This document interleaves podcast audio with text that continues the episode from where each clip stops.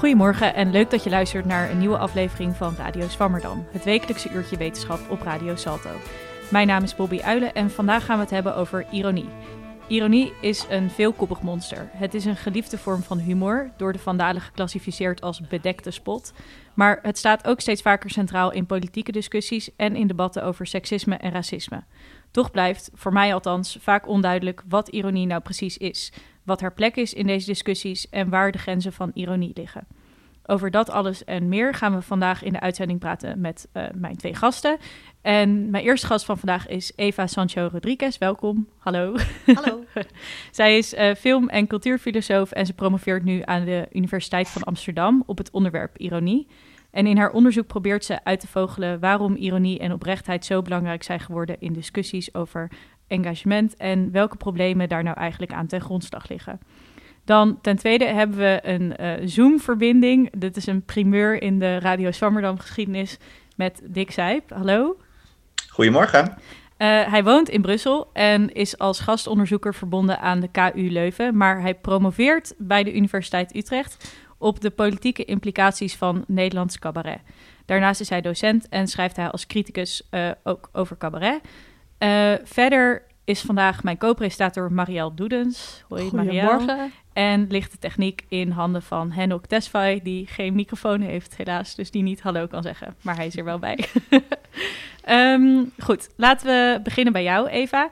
Uh, ja, je bent dus nu aan het promoveren uh, aan UvA en uh, je proefschrift gaat, als ik het goed begrepen heb, over de spanning tussen postmoderne ironie en new sincerity. Maar voordat we daar dieper op ingaan, lijkt het me goed om eerst even te hebben over um, ja, wat ironie precies is. Dus wat, wat is volgens jou een goede definitie van ironie? Dat is een hele, ja, het is een, simpele, maar heel bedrieglijke vraag. Want het is heel moeilijk om daar een volledig antwoord op te geven, want het is zo veelzijdig. Um, vaak hoor je dat ironie uh, is dat je tegenovergezegde zegt van wat je bedoelt, de zogenaamde antifrase voor de liefhebbers. En um, dat werkt, dat die, die, ironie lukt, als je ook hetzelfde oordeel hebt over waar je het dan over hebt. Stel, ik zeg tegen jou, lekker weertje is het, het is nu verschrikkelijk weer buiten. Dan snap je dat ik dan ironisch ben, omdat jij en ik hetzelfde oordeel hebben over wat lekker weer is.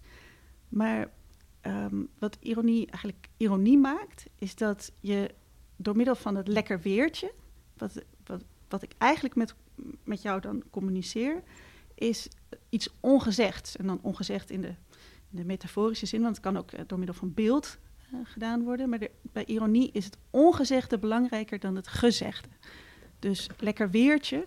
Als wij samen uh, buiten staan, dan is het, oh, nou, ik vind het niet zo lekker weer. Maar hoe meer je ehm, van elkaar weet, hoeveel, hoe meer gemeenschappelijke kennis je van elkaar hebt en hoe um, afhankelijk van de context, wordt dat ongezegde ook heel anders. Dus um, als mensen elkaar goed kennen, dan heb je ook een grotere gar garantie dat de ironie lukt. En stel, jij en ik hebben uh, afgesproken om vanavond lekker een filmpje te kijken en we zitten samen op de bank en het begint dan te regenen en ik zeg tegen jou, lekker weertje, dan bedoel ik ook iets ironisch, maar dan is dat veel, uh, veel rijker als het ware. Dan is het uh, wat fijn dat we dit hebben, dat we, dat we nu gezellig samen op de bank zitten. Dus ja, dan heeft de dus betekenis ook... van lekker weertje is, is veel rijker als er meer gedeelde kennis is en als die context ook specifieker is als het ware. Ja, dus het is helemaal niet zo simpel, uh, wat ik, uh, tenminste hoe jij het nu uitlegt, is het niet zo simpel als gewoon het tegenovergestelde zeggen van wat je bedoelt. Nee, er is een, een soort ongezegde wat je communiceert, als je ironisch communiceert. En dat ongezegde, dat, dat uh, wordt bepaald door ja, die context en, en de gemeenschappelijke kennis die je met elkaar moet hebben om die ironische, om dat ironische proces samen te doen, als het ware. Dus ironie is ook niet iets wat je overdraagt, maar het is meer een soort proces of een soort houding of een soort relatie die je, ja, die tussen twee elementen als het ware ontstaat. Dat is dan ironie. Ja, ja en ironie is de laatste jaren uh, lijkt het steeds meer zo te zijn, vaak onderwerp van debat. En die ver- mhm. debatten die verlopen vaak best wel uh, moeizaam. Het komt uh, vaker op niets uit dan op iets. en waarop lopen die debatten vast, denk jij? Ja, dat, dat is een van de, de dingen die ik in mijn onderzoek onderzocht heb. Mijn eerste hoofdstuk gaat over een heel specifiek ironiedebat uh, in 2012 in de VS. En daar zijn er heel veel van, ironiedebatten. En ze worden ook steeds, uh, naarmate de 21ste eeuw vordert, uh, worden er meer. Um, en het grappige aan ironie, of het eigenlijk het frappante aan ironie-discussies, is dat ze, dat ze altijd al heel snel uh, helemaal vastlopen. Ze, gaan helemaal, ze lopen spaak. Mensen komen er niet uit met elkaar. En er is iets dus heel specifieks aan ironie. Want heel vaak heb je in debatten een soort spraakverwarring over debatten over participatie. En dan hebben heel veel deelnemers een heel andere opvatting van wat participatie betekent. En daar heb je spraakverwarring. Maar bij ironie is het eigenlijk gedoemd te mislukken omdat ironie zoveel verschillende dingen kan zijn. Het, kan niet, het is dus niet alleen zo'n ironische handeling, zoals uh, lekker weertje. Maar het kan ook staan voor een hele levenshouding van een bepaalde subcultuur. De, hipster was toen in 2012 het, het onderwerp. Maar ook uh, nu bijvoorbeeld vaak voor de alt-right wordt het gebruikt als een soort ja, verwijzing naar die hele levenshouding en de hele gedeelde waarde van een subcultuur. En wat je ook heel vaak in ironie, discussies of essays over ironie. Dan wordt er um, verwezen naar nog een derde categorie. En dat is ironie als, een, als eigenlijk een vrij specifieke levenshouding. die helemaal uitgedacht is. En die in de filosofie, in de westerse filosofie zeker. Um, heel veel uh, voorbeelden kent. Zoals Nietzsche of uh, Socrates. Of Kierkegaard heeft heel veel met ironie gedaan. Rorty, vrij recent. Dus je maar, hebt heel veel categorieën. Dus ja. Wat moet ik me voorstellen bij zo'n ironiedebat? Wat is een ironiedebat? Uh, nou, we hadden er in 2012 eentje, die was, uh, het was een artikel in de New York Times van een uh, Amerikaanse eh, universitair docent, grappig genoeg. En dat is toen viral gegaan, zoals dat nu heet. Maar dat heeft in alle prominente Amerikaanse, maar ook Nederlandse kranten, heeft dat een soort discussie over ironie. Uh, voor- en tegenstanders van ironie. En dat is een ontzettend interessant debat. Want de ene helft van die, van, van, die, van die stemmen, die zegt ironie staat voor politieke apathie, voor moreel relativisme, dat je, dat je nou, eigenlijk niets vindt, of dat alle waarheden of alle deugden zijn gelijk. Um, en de andere helft van die, van die groep, van die, van die um, de debaters, die um, neemt het eigenlijk op tegen wat zogenaamd dan de, oplossing zou zijn, namelijk oprechtheid. En oprechtheid zou dan, of en daar denk ik dat ze ook een gedeeltelijk gelijk hebben, zou dan eigenlijk een soort uh, oppervlakkige vorm van engagement zijn. Dus eigenlijk is oprechtheid politieke apathie, want dan doe je alsof je oprecht bent. En alleen al door te beweren, nou, ik vind alles heel, uh, heel onjuist in de wereld, heb je jezelf gevrijwaard van enige politieke handeling of iets van iets meer doen dan alleen maar een soort makkelijk oordeel vellen. Dus je had heel veel, um, heel veel deelnemers aan het debat die, uh, dat vond ik heel fascinerend, um, ironie en oprechtheid gebruikten om met elkaar in discussie te raken over wat politiek engagement was, maar niemand kreeg het eigenlijk onder woorden. En dat vind ik het, het fascinerende ironie en oprechtheid. Het, het, het, uh, het duikt het toneel op in een soort tekort aan zinnige taal en zinnige ideeën of vocabulaire, om het zo maar te zeggen, over wat politiek engagement zou moeten zijn. En dat weten we eigenlijk niet meer. We weten, of we hebben in ieder geval geen goede manier om met elkaar te praten over wat we van elkaar verwachten als democratische burgers. En um, wat ik zo ja, fascinerend vind aan ironie en oprechtheid, is dat ze zich daar eigenlijk helemaal niet voor zou moeten lenen. Wat heeft het eigenlijk met politiek engagement te maken? En uh, het is niet toevallig dat het ironie en oprechtheid zijn, maar het heeft te maken met een soort crisis in dat we niet weten van elkaar hoe we het moeten hebben met, met wat we van elkaar verwachten over politiek engagement. We hebben het nu bijvoorbeeld vaak over social media als een soort kapstok. Maar dat is net zo goed ja, niet de manier om, om dat echte probleem te pakken te krijgen. Hm. Wat zouden we dan moeten zijn? Ja, nou ja, op het antwoord wat we zouden moeten doen, heeft um, ja, Ilja Leonard Pfeiffer, die natuurlijk bekend uh, is als schrijver, die heeft zich uh, uh, vorig jaar ook in het nou, of een, in een van de ironie-debatten gemengd. Hij publiceerde het lange essay uh, Ondraaglijke lichtheid over het nut en nadeel van de ironie van het leven. Um, en nou ja, iedereen die wel eens een boek van hem heeft gelezen, weet dat hij best wel graag gebruik maakt van ironie, in ieder geval als stijlvorm. Maar in het essay beargumenteert hij dat ironie nu plaats moet maken voor ernst. Um, en we gaan eventjes luisteren naar een fragment uit het uh, Vlaamse programma De Afspraak, waarin Pfeiffer te gast is om hierover te vertellen. Tijdens het, uh, het, onderzoek voor dit essay en het schrijven daarvan... Uh, begon ik me toch steeds meer zorgen te maken... niet zozeer over die ironie als stijlmiddel. Dat zal ik nog steeds graag hanteren. Maar als ironie begint door te sijpelen tot, een, tot het publieke discours... en als het woord tot een levenshouding... dan wordt het toch wel heel erg problematisch. Ja, dus um, die problematiseert hier uh, uh, ironie als levenshouding. Uh, maar Eva, jij vindt juist dit statement weer problematisch, weet ik toevallig, want dat heb je mij verteld. Um, kun je mij en de luisteraars misschien uitleggen wat, wat eigenlijk het probleem is met wat Pfeiffer hier zegt? Ja, hij gaat heel snel. Hè? Dus het, het probleem zou zijn dat niet zozeer de stijlvorm, terwijl we later horen dat hij zich bijvoorbeeld zorgen maakt over de alt-right. En dan maken we ons wel degelijk zorgen over de stijlvorm ironie, omdat daar ehm, de stijlvorm juist heel erg gebruikt wordt om hele extreme, extremistische, antisemitische, uh, racistische, uh, vrouwenhatende dingen te zeggen, maar met ironie. Dus de stijlvorm is wel degelijk een probleem, uh, afhankelijk van de context. Ja. Maar wat hij bedoelt met, uh, ja, het, het, het, is een soort levenshouding die doorcijpelt in het uh, politieke discours. Nou, dat, dat, zijn ook weer een heleboel dingen. Een heleboel termen gebruikt hij. Ja, en, en, het, en het wordt moeilijk om dan, ja, ik, ik snap ook wel wat hij bedoelt. En ik denk dat heel veel mensen zich ook, um, die, die, ik, ik begrijp, het, het is helemaal niet erg dat hij imprecies is. Alleen wederom helpt het niet om het dan over ironie te hebben. Eerder uh, dit jaar al, het was ook nog dit jaar, ja, uh, zat ik in een uh, discussie in de Bali over ironie in politiek met Misha Wertheim. En hij kon het heel goed omschrijven. Het probleem wat we nu proberen te omschrijven is helemaal niet ironie, maar dat politici cabaretiers zijn geworden en cabaretiers politici. En dat is een heel ander probleem en dat is een ernstig probleem.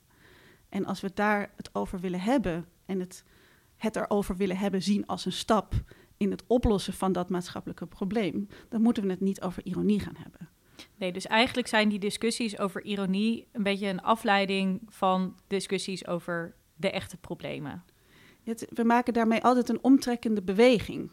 Uh, ja. En dat uh, die, die min of meer gedoemd is te mislukken. En dat is heel jammer. Ja, en is dat dan eigenlijk wat je, wat je eerder zei over dat er eigenlijk een beetje een soort van vocabulaire tekort is? Um, is dat dan de reden dat die discussie dus steeds niet lukt?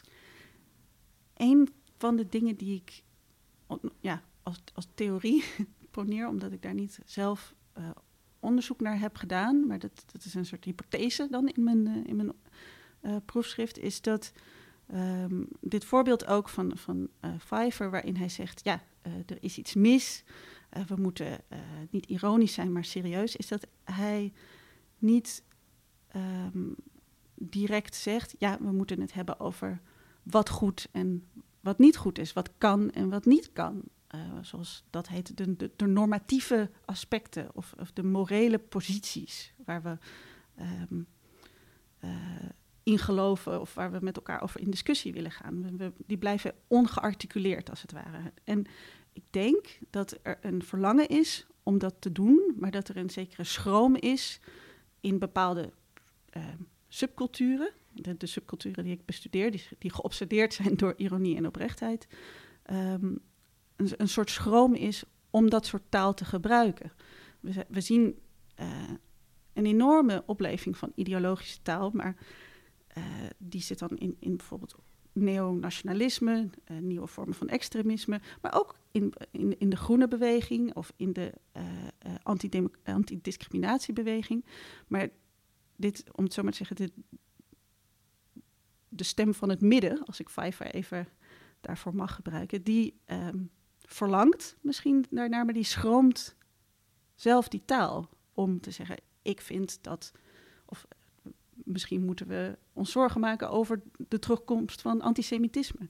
Ja, dus dat is, eigenlijk, dat is eigenlijk ook wel natuurlijk een beetje een gekke tegenstelling. Want aan de ene kant uh, predikt hij en predikt die, die ja, groep, uh, predikt dan heel erg voor oprechtheid. Maar eigenlijk zijn zij ook niet helemaal oprecht, want zij zeggen ook niet wat ze dan precies bedoelen. Oprechtheid betekent ook niet. Um, op, oprechtheid is simpelweg um, dat hetgene wat je doet overeenkomst, overeenkomt met uh, je, je intenties, je, je innerlijkheid. En dat is het ideaal van authenticiteit. En het grappige is dat ironici, of uh, de, de, ironist, ook heel goed uh, juist daarmee spelen. Want als die authenticiteit niet ongezegd do door ons allemaal gedeeld werd, dat is een van de idealen die we, grappig genoeg, als, als moderne westerse mensen vrijwel allemaal met elkaar delen, dat ideaal van authenticiteit. Zonder dat ideaal van authenticiteit kan het ironische spel helemaal niet werken. Dat is de, de, zeg maar de, de klankkast of de stevige pilaar waar, die, waar dat balletje tegenaan uh, gegooid wordt, als het, als het ware, met ironie. En wat is dan de verhouding daarin tussen ironie en authenticiteit? Is het dan dat ironie ook gezien wordt als middel om authenticiteit te bereiken? Of? Nou, dat is heel moeilijk om iets heel algemeens over te zeggen. Ja. Ik denk dat um, een van de kenmerken van um, mensen die voor oprechtheid zijn, in, in de discussies die ik bestudeerd heb, is um, waar, zij, uh, waar zij ironie als het ware voor gebruiken, is voor het aanwijzen van een bepaalde politieke apathie. Dus ironie zou gelijk staan aan je nergens over uitspreken en, en niets doen. Maar het antwoord wat op de oprechten formuleren is uh, in zekere zin vooral een soort houding van, van, um, van emotie bijna. Je, je, we zijn het er allemaal met elkaar over eens dat wat belangrijk is, belangrijk is. En wederom wordt er dus niet uh, iets ingevuld van welke kant zouden we met elkaar op moeten. Hoe moet het dan duurzamer of hoe moet het dan gelijk, uh, gelijkwaardiger? ja. idealen of, of, of, mensenrechten, dat is helemaal niet onderdeel van het New Sincerity-discours uh, van de laatste tien jaar.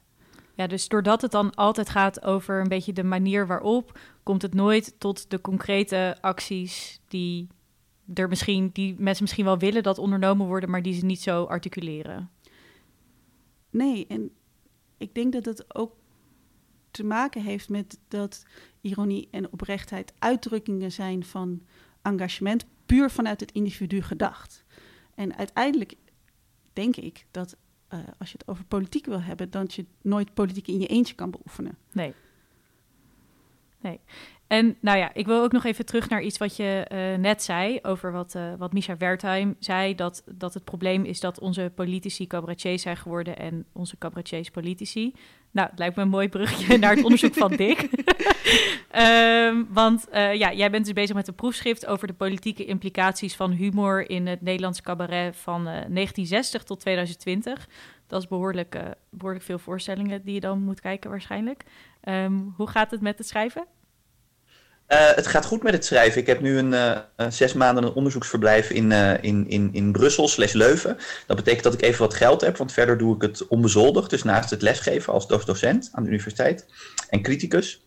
En het gaat eigenlijk wel goed. Ik ben wel lekker aan het, aan het werk. Ja. En het is in tijden van zo'n pandemie is het heel is natuurlijk een heel groot voorrecht op het moment dat je werk gewoon door kan gaan. Want ik kan gewoon op mijn kamertje zitten en schrijven. En dat is ook niet altijd fijn, dat je niet even naar het café kan of zo. Maar het is wel uh, nou, toch een voorrecht. Dus het gaat eigenlijk wel goed. Ja, en je zei het net zelf ook al. Je bent niet alleen een cabaretonderzoeker, maar je houdt je ook buiten de academische wereld ermee bezig als, uh, als criticus.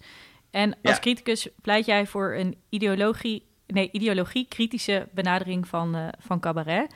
Kun je uitleggen wat zo'n wat zo'n houding of benadering inhoudt? Ja, en het is inderdaad wel goed om even een onderscheid te maken tussen, tussen mijn werk als criticus en, en mijn werk als onderzoeker. Um, want als, als criticus ben ik inderdaad, uh, lever ik vaak kritiek op. Uh, op, op cabaretiers, uh, of dat heb ik in het verleden in elk geval wel gedaan. als ik bijvoorbeeld vind dat ze heel seksistische grappen maken of racistische grappen maken. Um, en, en, en, dat vind ik belangrijk omdat ik denk dat dat, en ja, dat, daar, daar ligt eigenlijk een beetje een taboe op in de, in de, in de cabaretkritiek. Dus eigenlijk traditioneel gezien, dat gaat heel lang terug al in, uh, in de cabaretwereld, is het idee dat je, uh, dat je cabaret alleen op artistieke gronden mag beoordelen. Dus op het moment dat een cabaretier seksistische grappen maakt, dan kan je zeggen over die cabaretier als criticus, nou dat is niet zo origineel, dat weten we nu wel. Maar um, het is eigenlijk een beetje taboe om te zeggen, uh, jeetje, deze cabaretier die maakt wel hele misogyne of seksistische grappen. Dan krijg je al gauw het verwijt van ja, maar, uh, ja, maar die cabaretier die, die staat op een podium, dus het is kunst. Uh, dus misschien zijn de grappen wel ironisch. Ja, theater een beetje als, als amoreel, amorele arena, waar je vooral niet te veel mee mag bemoeien. Ja, en ik moet nu even denken ook aan iets wat, wat Eva net gezegd heeft over als we een debat voeren over, uh, over ironie en, uh, en oprechtheid, dan, dan zeggen we vaak eigenlijk niet waar het ons echt om gaat. En ik denk dat dat in cabaretkritiek vaak ook wel gebeurt. Dan zie ik wel een parallel. Dus er is een heel grote schroom om in ideologische termen ook over, over cabaret na te denken en te spreken en het daar ook op te, te, te, beoordelen. Um, terwijl dat eigenlijk vaak wel is wat men bedoelt. Dus ik denk dat als een criticus in de zaal zit en er worden we heel veel uh, een beetje stereotyperende grappen over vrouwen gemaakt. Ja, dan wordt er vaak gezegd: het is niet origineel. Terwijl zo'n criticus misschien vaak wel bedoelt van: ja, jeetje, dit is wel heel conservatief. Hè, maar dat, dat echt durven zeggen, dat is, daar, is een, daar is men een beetje beschroomd voor. En ik vind dat je dat wel moet doen en dat je cabaret ook als kunstvorm ook eigenlijk pas serieus neemt als je dat ook durft te doen. Omdat cabaretiers zijn niet. Uh, alleen maar kunstenaars, maar die zijn ook opiniemakers, zijn vaak heel opinierend. Uh, en uh, dat is het ingewikkelde en complexe ook aan cabaret, denk ik. Dat cabaretiers heel vaak switchen tussen ironische of humoristische en serieuze frames. En dat maakt het ook een heel complexe kunstvorm, waardoor er ook in het cabaret veel discussies ontstaan over is het nou ironisch of niet en wat bedoelt een cabaretier dan als hij, als hij of zij een bepaalde grap maakt. Ja. En dat onderzoek ik als onderzoeker duik ik daar wat dieper in en probeer ik daarover na te denken. Maar dat, in mijn onderzoek ben ik iets minder. Uh, als criticus ben je natuurlijk heel normatief, ben je ook bezig met een oordeel vellen en ook wel degelijk een artistiek oordeel. En dat doe ik in mijn onderzoek wat minder, maar ik probeer mijn onderzoek wel eigenlijk meer uh, te kijken naar wat voor politiek-ideologische posities claimen cabaretiers nou met behulp van humor. Ja. Um, ja, want cabaret heeft uh, uh, van oudsher best wel een, een links-progressief imago. Um, ja. En jouw werk gaat ook een beetje voor, toch over dat je eigenlijk uitzoekt of dat nog wel klopt. Of dat, ja. of dat imago nog wel strookt met de werkelijkheid. Um, en misschien is het goed, je hebt ook twee fragmenten um, meegenomen om even te luisteren naar eentje van Hans Steeuwen uit zijn voorstelling Echte Rancune. Um, wil je daar eerst iets over zeggen of zullen we eerst luisteren? Nee, laten we gewoon maar luisteren. Dat okay. lijkt me goed. Maar je weet, gezeik komt er toch, hè? Wat je ook zegt, tegenwoordig, linksom of rechtsom komt er gezeik. Wat je ook zegt. En ik, ik bedoel, ik, ik hoor nu, nu kan ik het gezeik alweer horen. En dan gaan ze zeggen van, oh Hans, je bent nogal dapper, hè? Oh, ben jij dapper, Hans, hè? Oh, leuk Belgen nadoen. Oh, grapjes over de Fransen. Oh, grapjes over de Duitsers. Grapjes over Joden. Grapjes over christenen. Dapper, hoor. Heb je ook het lef om grappen te maken over islam? Dan zeg ik, nou, ik zou, zou niet weten waarom. Waarom? Waarom zou ik nou grappen maken over iets wat overduidelijk heel goed werkt? Iets wat over in de, overal in de wereld voor vrede, voorspoed en geluk zorgt. Waarom zou ik daar grappen over moeten maken? Als je toch kijkt hoe het bijgedragen heeft de afgelopen 500 jaar aan de vooruitgang van de menselijke soort, aan de wetenschap, aan de kunst, aan de entertainmentindustrie, al die fantastische islamitische musicals. Tja, man, de gelijkheid van man en vrouw, waar zouden al die wijven zijn zonder islam? Nou, nou, nou. En wat dacht je van de homo-emancipatie? Saai! Waarom denk je dat het zo is dat er elk jaar weer meer homoseksuelen besluiten om te emigreren naar Mekka? Waarom denk je dat dat is? Omdat ze daar zichzelf kunnen zijn. Dan kunnen ze gewoon leven zoals ze willen leven. En hoeven ze zich niet te verstoppen. En hoeven ze niet te wachten op die ene gay parade per jaar. Waar ze een beetje met het poepetje mogen zwaaien. Dat kan daar het hele jaar door. Het is een heerlijke religie. En, en, en, ja, maar als je mij nou vraagt... Maar Hans, wat, wat vind jij nou het mooiste aan islam? Ja, dan zeg ik toch... Ja, die lichtvoetigheid. Dat, dat joie de vivre. Gewoon de lol die er vanaf straalt, weet u? Je weet meteen als het over islam gaat, die wordt lachen. Nou gaat we lachen. Gewoon lekker dat relativerende gevoel van... ah don't bakken, it Het is maar een religie. En daarom is dat islamitische gevoel van humor ook zo beroemd over de hele wereld, hè? Ik ben een keer in Jemen geweest. Sowieso heerlijke plek om naartoe te gaan. Je echt een keer doen. Ja, ja neem de kinderen mee. Wordt leuk. En toen heb ik daar in zo'n lokaal theater heb ik toen zo'n eh, zo'n islamitische klucht gezien. Ach man, ik heb me kapot gelachen. Jouw vrouw, mijn kameel, heette die. Zo leuk over die misverstande mensen die in en uit tenten rennen. Zo van, oh, gemagoeie, gosse, gemo. Oh, gemagoeie, gemagoeie, gosse. Zo leuk, man. Echt helemaal kapot gelachen. Ah, er zijn natuurlijk altijd die mensen die zeggen van... Oh, en hoe zit het dan met ISIS en Al-Qaeda? Zeg, wat ISIS en Al-Qaeda? Dat heeft er niks met islam te maken, hè? Dat is de CIA. Dat zijn de Amerikanen, die vieze smerige, gore, dikke, vette Amerikanen, man. Je weet wat die willen, hè? Je weet wat die willen, die Amerikanen, hè? Die willen overal maar McDonald's neerzetten. En weet je waarom? Dan eten mensen van dat gore voedsel en dan worden ze ziek... en dan kan de farmaceutische industrie weer meer pillen verkopen. Ja, man, de farmaceutische industrie, de farmaceutische industrie.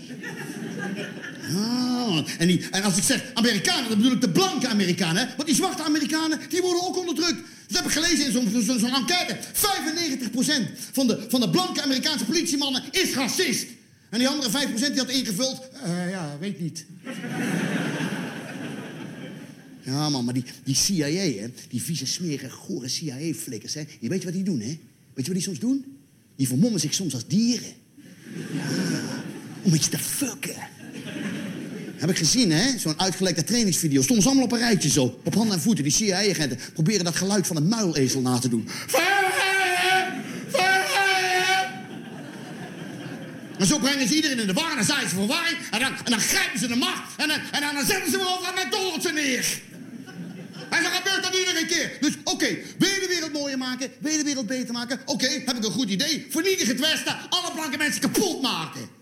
Want die zijn de oorzaak van alle gorigheid en alle ellende in de wereld. En als niet, niet blanke mensen wel eens iets verkeerds doen... dan is dat altijd een, een, een reactie op iets wat blanke mensen hebben aangedaan. Een hond is ook nooit zomaar vast. Dat is altijd de schuld van het baasje. Um, ja, bedankt uh, voor, het, uh, voor het meenemen van het fragment, Dick. Um, mm-hmm. Waarom heb je uh, specifiek, wilde je specifiek dit laten horen? Um, ik vind het een heel interessant fragment. Omdat, wat je eigenlijk, omdat het volgens mij heel illustratief is voor um, de rol die humor op dit moment speelt en de manier waarop cabaretiers humor gebruiken. Omdat wat je ziet de afgelopen jaren is dat humor eigenlijk steeds sterker ja, gepolitiseerd is geraakt. Steeds sterker onderdeel geworden van de culture wars. Um, hè, dus debatten over de vrijheid van meningsuiting. Mogen we nog wel alles zeggen? Uh, cabaretiers uh, veel cabaretiers hebben het idee van niet dat ze bepaalde grappen niet meer kunnen maken, omdat daar heel veel kritiek op komt. Ja, dat, zegt hij ook letterlijk aan het begin, zo linksom of rechtsom komt ja. er gezeik. Exact, ja, dus Theo reageert daarop. En het interessante is dat dat nog niet uh, door alle critici zo gezien wordt. Hè? Want Hans Theo die heeft een reputatie opgebouwd, zeker in de jaren 90 en vroege jaren 2000, als een comedian die heel ongrijpbaar was, van wie je niet zo goed wist waar die ideologisch stond. En Theo is zich de afgelopen jaren ook in het publieke debat eigenlijk steeds duidelijker politiek gaan positioneren. Is zich uit gaan laten als islamcriticus. En ik denk dat dat komt, dat, dat een criticus als, als dat schrijft, omdat Theo uh, best wel veel gebruik maakt van absurdistische humor. En absurdistische humor is vaak een beetje ontregelend, dus dan weet je niet precies waar een comedian staat. Nou, dat zie je in dit fragment ook nog wel een klein beetje terug. En als hij bijvoorbeeld heeft over die mensen van de CIA die zich dan zouden gaan vermommen als dieren. Dat is natuurlijk een beetje ontregelend. Denk je, wat, wat bedoelt hij daar precies mee? Maar wat Theo in zijn recente werk, en ook in dit fragment kun je dat heel goed terug horen, denk ik, steeds meer is gaan doen, is dat hij steeds meer is gaan switchen tussen die absurdistische humor en eigenlijk een veel explicietere, ja, ironische satire, zou je kunnen zeggen. Dus dit is eigenlijk, denk ik, een vrij klassieke vorm van ironie die hij hier bedrijft, waarin Theo uh, eigenlijk het is een vrij simpele vorm van ironie in die zin dat hij heel duidelijk het, wel het tegenovergestelde bedoelt hier van wat hij zegt. Dus hij brengt een ironische lofzang op de islam, maar door de manier waarop hij het, waarop hij het performt, Uh, en de grappen die hij maakt, hè, die, die over, hij zegt overduidelijk allerlei dingen over de, over de islam die niet kloppen. Bijvoorbeeld dat er ieder jaar zoveel homo's naar Mekka uh, emigreren. Um, daarmee levert hij duidelijk heel veel kritiek op de islam. Um, maar hij levert niet alleen kritiek op de islam, maar hij levert eigenlijk ook een metakritiek op de rol van humor in de samenleving. Uh, en op de manier waarop humor bedreigd zou worden door de islam, namelijk door expliciet te maken. Eigenlijk uh, hij, hij, stelt zichzelf de vraag: waarom, waarom, maak, waarom zou je geen grap maken over de islam? En zijn ironische antwoord daarop is: ja, waarom zou je dat eigenlijk doen? Want, want de islam is toch een fantastische godsdienst. En waarmee hij duidelijk het tegenovergestelde bedoelt, namelijk: uh, de islam is een taboe onderwerp en daar zouden cabaretiers dus wel grappen over moeten maken. Nou, en dat vind ik interessant. En wat ik ook interessant vind is wat dat eigenlijk betekent over uh, wat het eigenlijk betekent voor um, um, het soort cabaret dat, dat Theo maakt en wat het ook zegt over uh, uh, de manier waarop cabaretiers humor bedrijven. Want er is een heel sterk imago dat cabaret nog steeds heeft van uh, cabaretiers doorbreken taboes. zeggen dat wat je misschien eigenlijk niet mag zeggen. En dat werkt ook bevrijdend. Dus daarmee kunnen we ons bevrijden van die taboes. Maar bij Theo is eigenlijk helemaal niet zo duidelijk wat hij nou doet. Want wat hij hier in dit fragment zegt, in dit fragment zegt hij eigenlijk. Um, we zouden grappen moeten maken over de islam, zegt hij eigenlijk op een, op een ironische manier, want dat mag niet meer of dat kan niet meer. En later in de voorstelling doet hij dat ook. Uh, op een vrij grensoverschrijdende manier. Dan gaat hij namelijk eerst het publiek in om zogenaamd te checken of er terroristen in de zaal zitten. En dan heeft hij een verhaal over een, uh, een, een zelfmoordterrorist, uh, islamitisch gemo gemotiveerd, die zichzelf opblaast, dan in het hiernamaals komt. Dan zijn de maagden zijn op en dan wordt hij vervolgens in zijn kont geneukt door Allah. En dat gaat hij dan nadoen eigenlijk op het toneel. En ik vind het heel interessant wat er dan dus gebeurt. Je zou dat stukje uit de voorstelling eigenlijk kunnen zien als een antwoord op wat hij hier doet. Namelijk hier in dit fragment wat we zojuist gehoord hebben, houdt hij eigenlijk een ironisch pleidooi voor de islam, waarmee hij eigenlijk suggereert de islam is onderdrukkend en we zouden daar grap over moeten maken. Um, en vervolgens doet hij dat ook op een vrij grensoverschrijdende manier.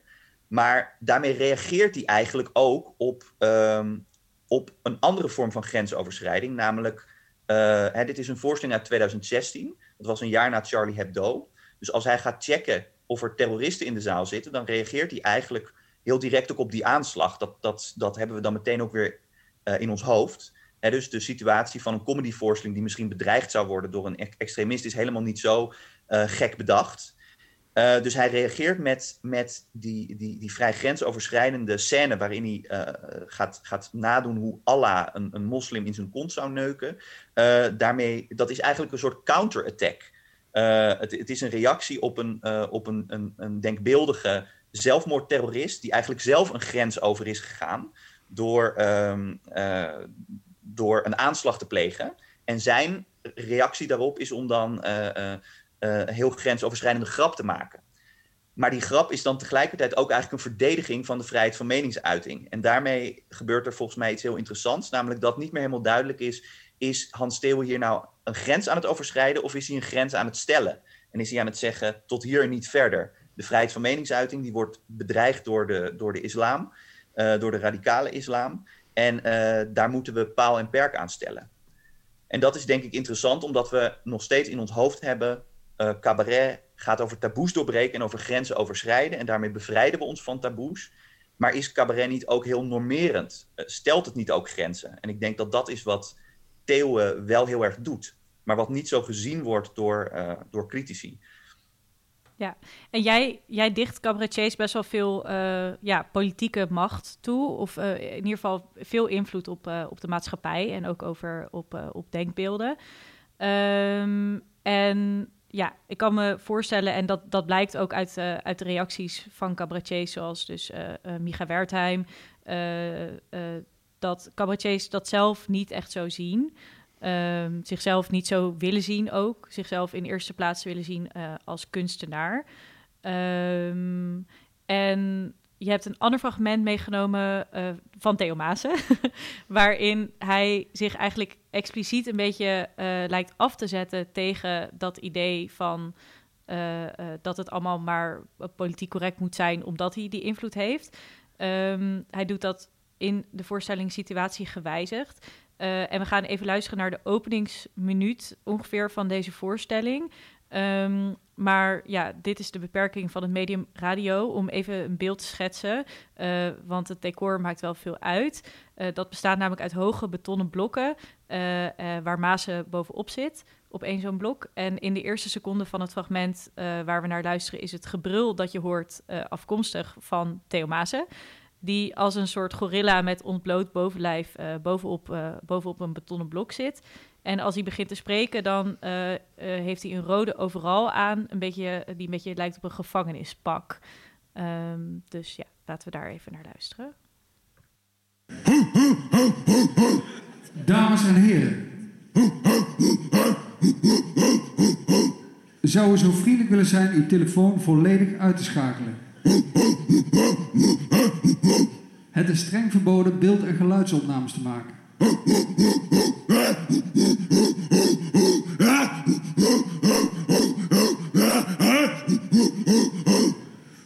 Dank u wel. Um, dames en heren, um, voordat we beginnen, mocht er vanavond uh, grappen voorbij komen waarbij je denkt: hé, hey, maar dat is toch eigenlijk een hele racistische grap? Je kan er bij mij op vertrouwen dat als ik racistische grappen maak, er ook echt wel iets mis is met dat ras.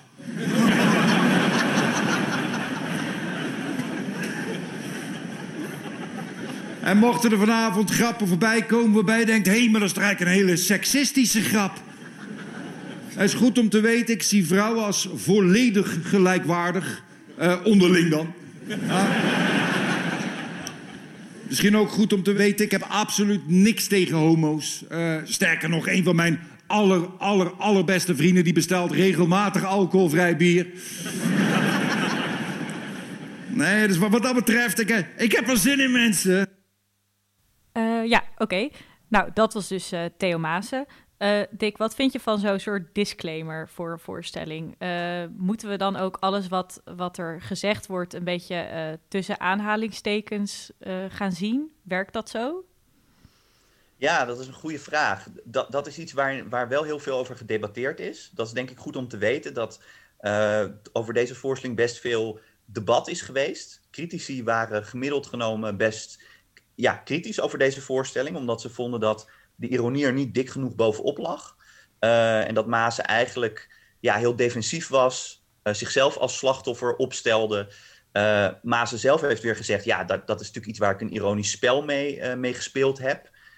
dus hij heeft deze voorstelling aangekondigd als een voorstelling die zou gaan over de, de laatste stuiptrekkingen van de witte man. en hij zei, ja, ik positioneer me dan als slachtoffer, maar dat is natuurlijk ironisch. En er is een discussie geweest een paar weken geleden in Trouw uh, tussen cabaretcriticus Ivo Nieuwenhuis en Micha Wertheim, die al eerder genoemd werd, die ook precies over deze vraag ging. Van uh, ja, in hoeverre moeten we deze voorstelling nou als ironisch beschouwen? Micha Wertheim vond van wel en die zei inderdaad, ja, Theo Maassen framed de voorstelling aan het begin meteen als ironisch. En daarmee moeten we die hele voorstelling als ironisch begrijpen. Ik denk dat het iets te simpel is om dat zo te stellen. Um, ik denk wel dat het een hele slimme strategie is van Maassen. Uh, dus je ziet hier opnieuw eigenlijk, wat, wat Maas hier eigenlijk doet, is aan de ene kant geeft hij een soort voorproefje van wat het publiek kan verwachten. Um, en aan de andere kant is het ook heel duidelijk een disclaimer. Uh, en daarmee is dit eigenlijk ook weer, net zoals we bij Theo zagen, eigenlijk ook een metacommentaar op humor. Uh, want hij maakt hier niet in de eerste plaats grappen over vooroordelen. En dat, die eerste grap van als er grappen zijn vanavond waarvan je denkt die zijn misschien racistisch, uh, dan kun je er ook wel vanuit gaan dat er iets mis is met dat ras. Dat is eigenlijk geen grap die over bepaalde vooroordelen of stereotypen gaat over, over zwarte mensen, zoals veel grappen die als racistisch begrepen worden. Maar het is eigenlijk een grap die gaat over racistische grappen en waarmee hij probeert te zeggen, waarmee hij een code ook probeert te, uh, te zetten, zou je kunnen zeggen, in, met een lelijk anglicisme. Uh, namelijk waarmee hij probeert aan te geven, wat ik vanavond ga doen is ironisch. Um, maar ik denk niet dat het helemaal zo werkt, omdat wat hij in de voorstelling doet vervolgens, is dat hij de hele tijd switcht tussen ironische en serieuze frames. En dat is wat cabaret ook heel ingewikkeld maakt. Dat uh, cabaretiers ook uh, allerlei meningen en opinies verkondigen, die niet altijd als ironisch geframed worden. Uh, ja. Maar het is wel heel slim, omdat hij hiermee meteen ook niet, niet zozeer kritiek levert op vrouwen. Hè, op, op de, in, in de eerste laag van de grap doet hij dat natuurlijk wel. Uh, maar een tweede laag van de grap is dat hij eigenlijk kritiek levert op zijn critici, daar anticipeert hij eigenlijk op, die zouden kunnen zeggen, Maas is wel heel racistisch. Dat probeert hij eigenlijk meteen te ondervangen. Dus hij maakt ook, uh, hij drijft hier ook de spot met de zogenaamd politiek correcte criticus, die misschien niet wil accepteren dat Maas uh, ironisch is als hij harde grappen over vrouwen of mensen van kleur maakt. Ja, ik wil even terug naar iets wat je net zei. Uh, wat daarvoor kwam dus in het debat over deze voorstelling. Uh, dat, dat de ironie er niet dik genoeg bovenop uh, lag. dat doet me denken aan iets waar ik het met jullie allebei van tevoren over heb gehad. wat genoemd wordt het Archie Bunker effect. Eva, zou jij dat misschien willen uitleggen? Ja, um, nou, en misschien iets wat we van tevoren ook hebben besproken... is het voorbeeld van de ironatie. Oh ja. Misschien is dat ook ja. een heel handige om te gebruiken. Dat, um, dat je uh, met ironie een heel antisemitische grap kan maken. Maar dat er, dat er twee lagen in de ironie zitten. Dat uh, je zegt iets wat uh, overduidelijk cliché nazistisch is. Maar wat je ook daarmee kan laten zien, en het hangt dus heel erg af in de, van de context wat de betekenis is. Maar wat je ook heel erg laat zien, is dat je weet dat dat taboe is. En wat onder ironaties, dan, uh, als ik het goed begrepen heb. Uh, ja, dit is dus even is... voor de luisteraars. Voor de, de ironatie is iets dat staat in een, in een essay dat Thijs Leister heeft geschreven voor Brainwash, waarin hij zegt: ja, dat, dat zijn mensen die, uh, kijk, vaak wordt gezien, wordt ironie gezien als um, ja, misschien een, een soort van verharding van wat iemand echt vindt.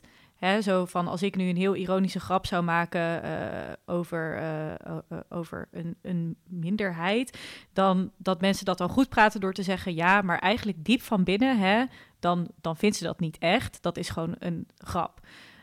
terwijl wat hij zegt in dat Thijs Leister, in dat essay, is dat dus er ook een type is, dat noemt hij dan de ironatie. Uh, en die maken heel harde grappen, dus inderdaad bijvoorbeeld uh, erg antisemitisch. Maar hij zegt dan van, ja, dan, dat is dan eigenlijk niet zo van, oh ja, die mensen vinden dat niet echt. Die mensen vinden dat juist. En die vinden dat nog veel erger dan ze doen blijken. En die ironie wordt dan dus verkeerd um, ja, geïnterpreteerd. Of eigenlijk een beetje uh, als excuus gebruikt. En dat is, het hangt dus altijd van de context af. En ik, wat daar en in uh, weer die alt-right uh, of uh, bijvoorbeeld geen stijl um, een, een, element is geweest, is dat het nog een soort ironie als in zijn algemeen, in algemeenheid een soort connotatie had van, van progressief, subversief, speels, de, de grote heilige huisjes een beetje, beetje plagen, de kerk, de staat, de familie, alle, alle soort van jaren 50 repressies, die kon je door middel van ironie een beetje, een beetje lucht inprikken. En die connotatie die heeft heel lang nog doorgewerkt in hoe er gekeken werd naar dingen als geen stijl. En, en, en in dat soort nou ja, politieke ironie. Maar het hangt dus altijd af van de, van de context. En wat een heel ander aspect is wat jij met het Archie Bunker. Archie Bunker was een personage in All in the Family, een Amerikaanse sitcom. En die sitcom was een, um, een, een comedy-serie waarin eigenlijk de oude conservatieve Archie Bunker steeds uh, uitgedaagd werd door zijn hippie progressieve zoon. En de progressieve mensen die naar dat programma keken, die zagen, die vonden de grap juist dat ehm, dat je kon zien hoe conservatief en, en racistisch en vast nou ja, uh, gesloten hij was, dat daar de humor in zat. En de conservatieve mensen die naar dat programma keken, die vonden het juist zo grappig dat hij die man, die, die, schoonzoon, steeds wist te pareren met zijn soort van herhalende, dogmatische, ja, maar het is gewoon zo. Ja, dus als de ironie er niet dik genoeg bovenop ligt, dan kan het dus eigenlijk altijd twee of misschien wel meerdere kanten uh, opslaan. En een ander element is hoe sympathiek is een personage. Dus uh, Archie Bunker was gewoon heel, ook een hele charismatische, grappige acteur. En dat maakt, dat is ook vaak een, een, een element in hoe je de ironie begrijpt.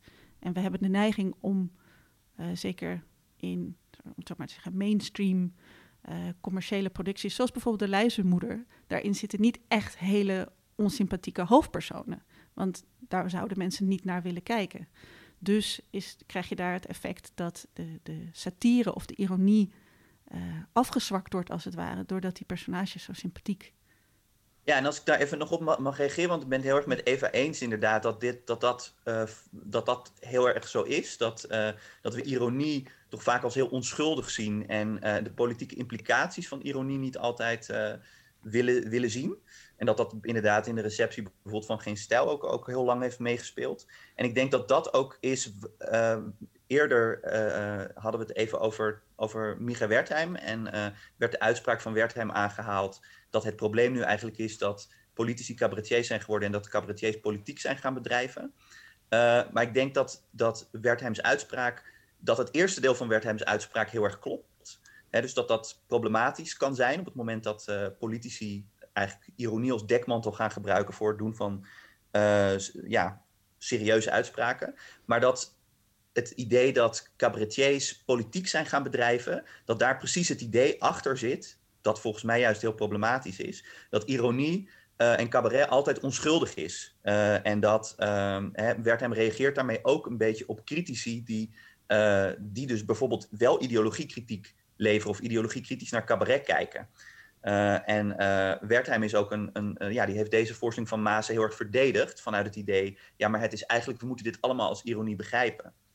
En uh, wat ik in mijn onderzoek probeer te doen is, je kunt natuurlijk kijken naar hoe komt het over op het publiek, hoe interpreteert het publiek het. En dan zie je inderdaad bijvoorbeeld dat Archie Bunker effect. Dus je kan het op verschillende manieren interpreteren. Maar je kunt ook kijken, en dat is wat ik eigenlijk doe, naar inderdaad naar die context. Van hoe zit de voorstelling eigenlijk in elkaar? En hoe wordt een bepaalde grap geframed?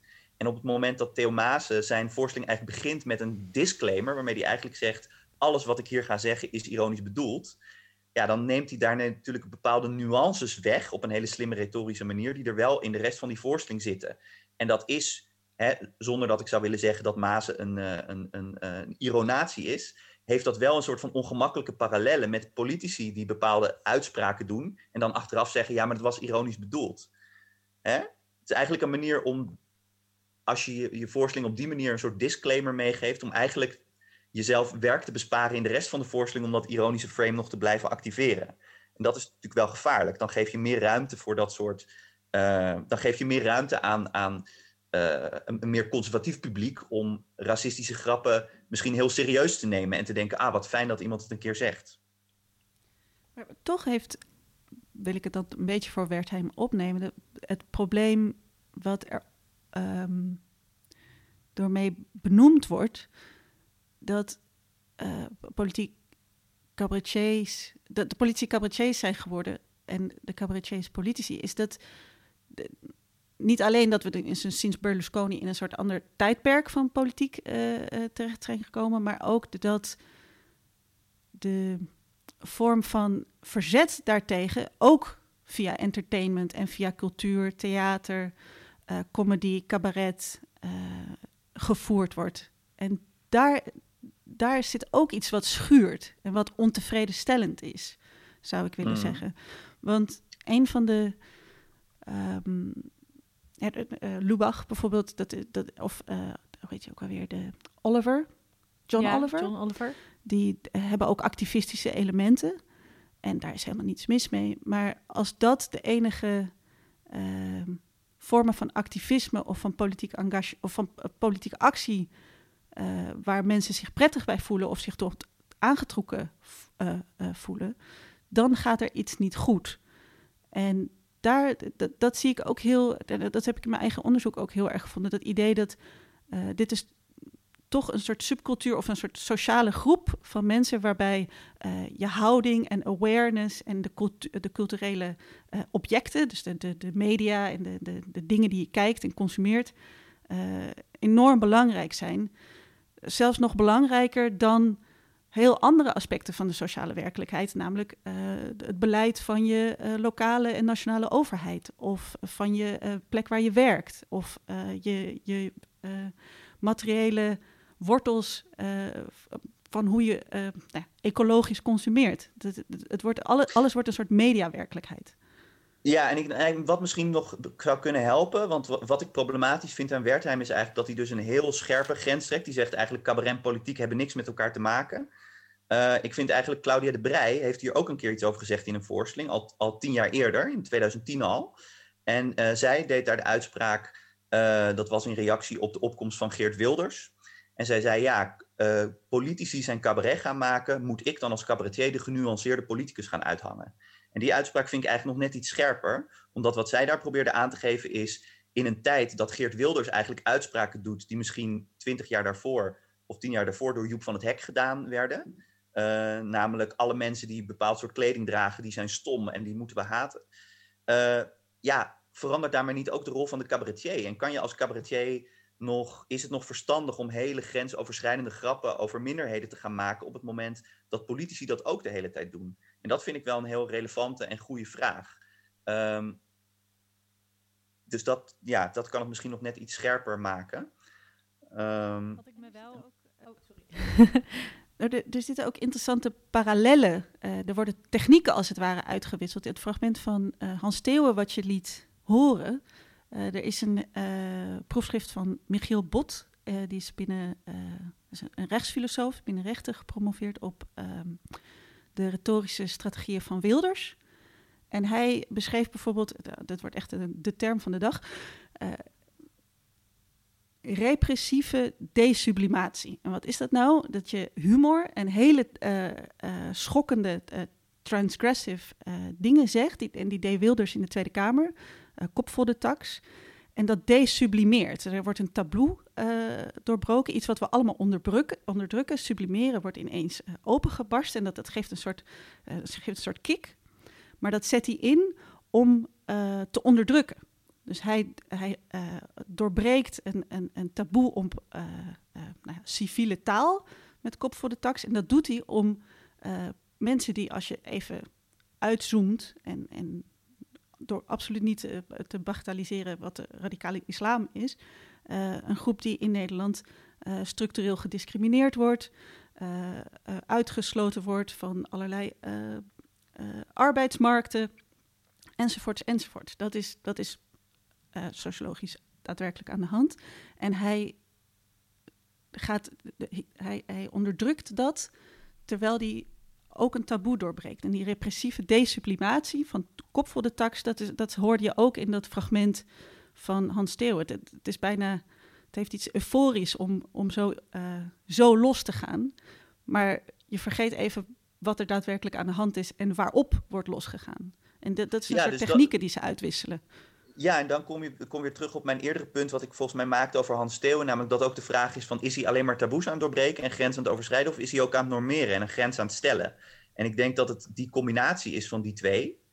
Uh, het is ook heel defensief. Hij probeert ook iets te verdedigen waarvan hij het idee heeft dat het ons wordt afgepakt. Ja, namelijk de vrijheid. Een recht op vrije meningsuiting. Ja, exact. Ja. En ik denk dat dat interessant is, omdat die normerende kant van transgressie en taboes doorbreken, uh, dat die niet zo gezien wordt. En dat we daarom nog steeds denken dat cabaretiers die hele harde grappen maken over minderheden, dat dat heel bevrijdend is. Want ze zijn namelijk grenzen aan het overschrijden. Maar nee, ze zijn ook een bepaalde grens aan het bewaken.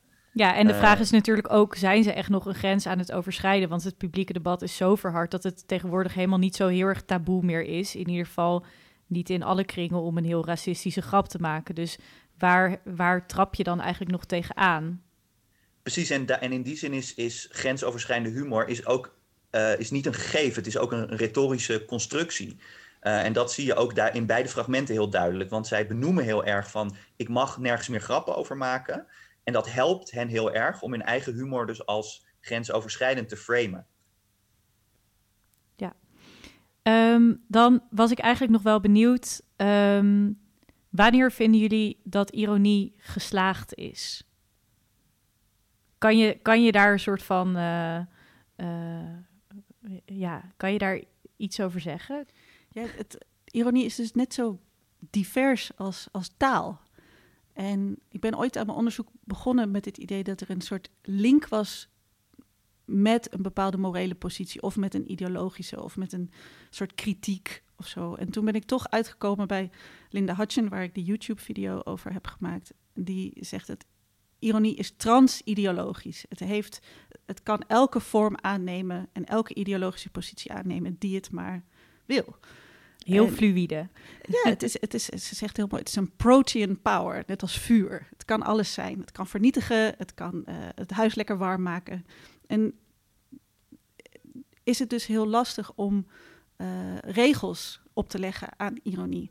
Het enige wat je die soort van new sincerists eh, kan op, eh, gelijk in kan geven, is dat je met ironie heel moeilijk nieuwe ideeën kan, ehm, als, als politiek programma kan eh, vertellen, omdat je gedeelde referenties en kennis nodig hebt. Dus je kan met ironie makkelijker tegen een heilig huisje schoppen, gelijke rechten, dan een, heel nieuw idee over hoe we met het klimaat moeten omgaan vertellen. Dat is moeilijk te doen met ironie. En voor jou, Dick? Eh, ja, ik ben het, eh, ben het wel met Eva eens dat, dat ironie inderdaad transideologisch is.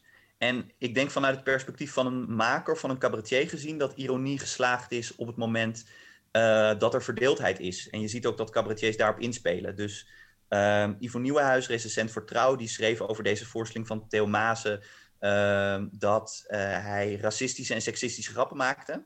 En vervolgens ging Theo dat op zijn website zetten.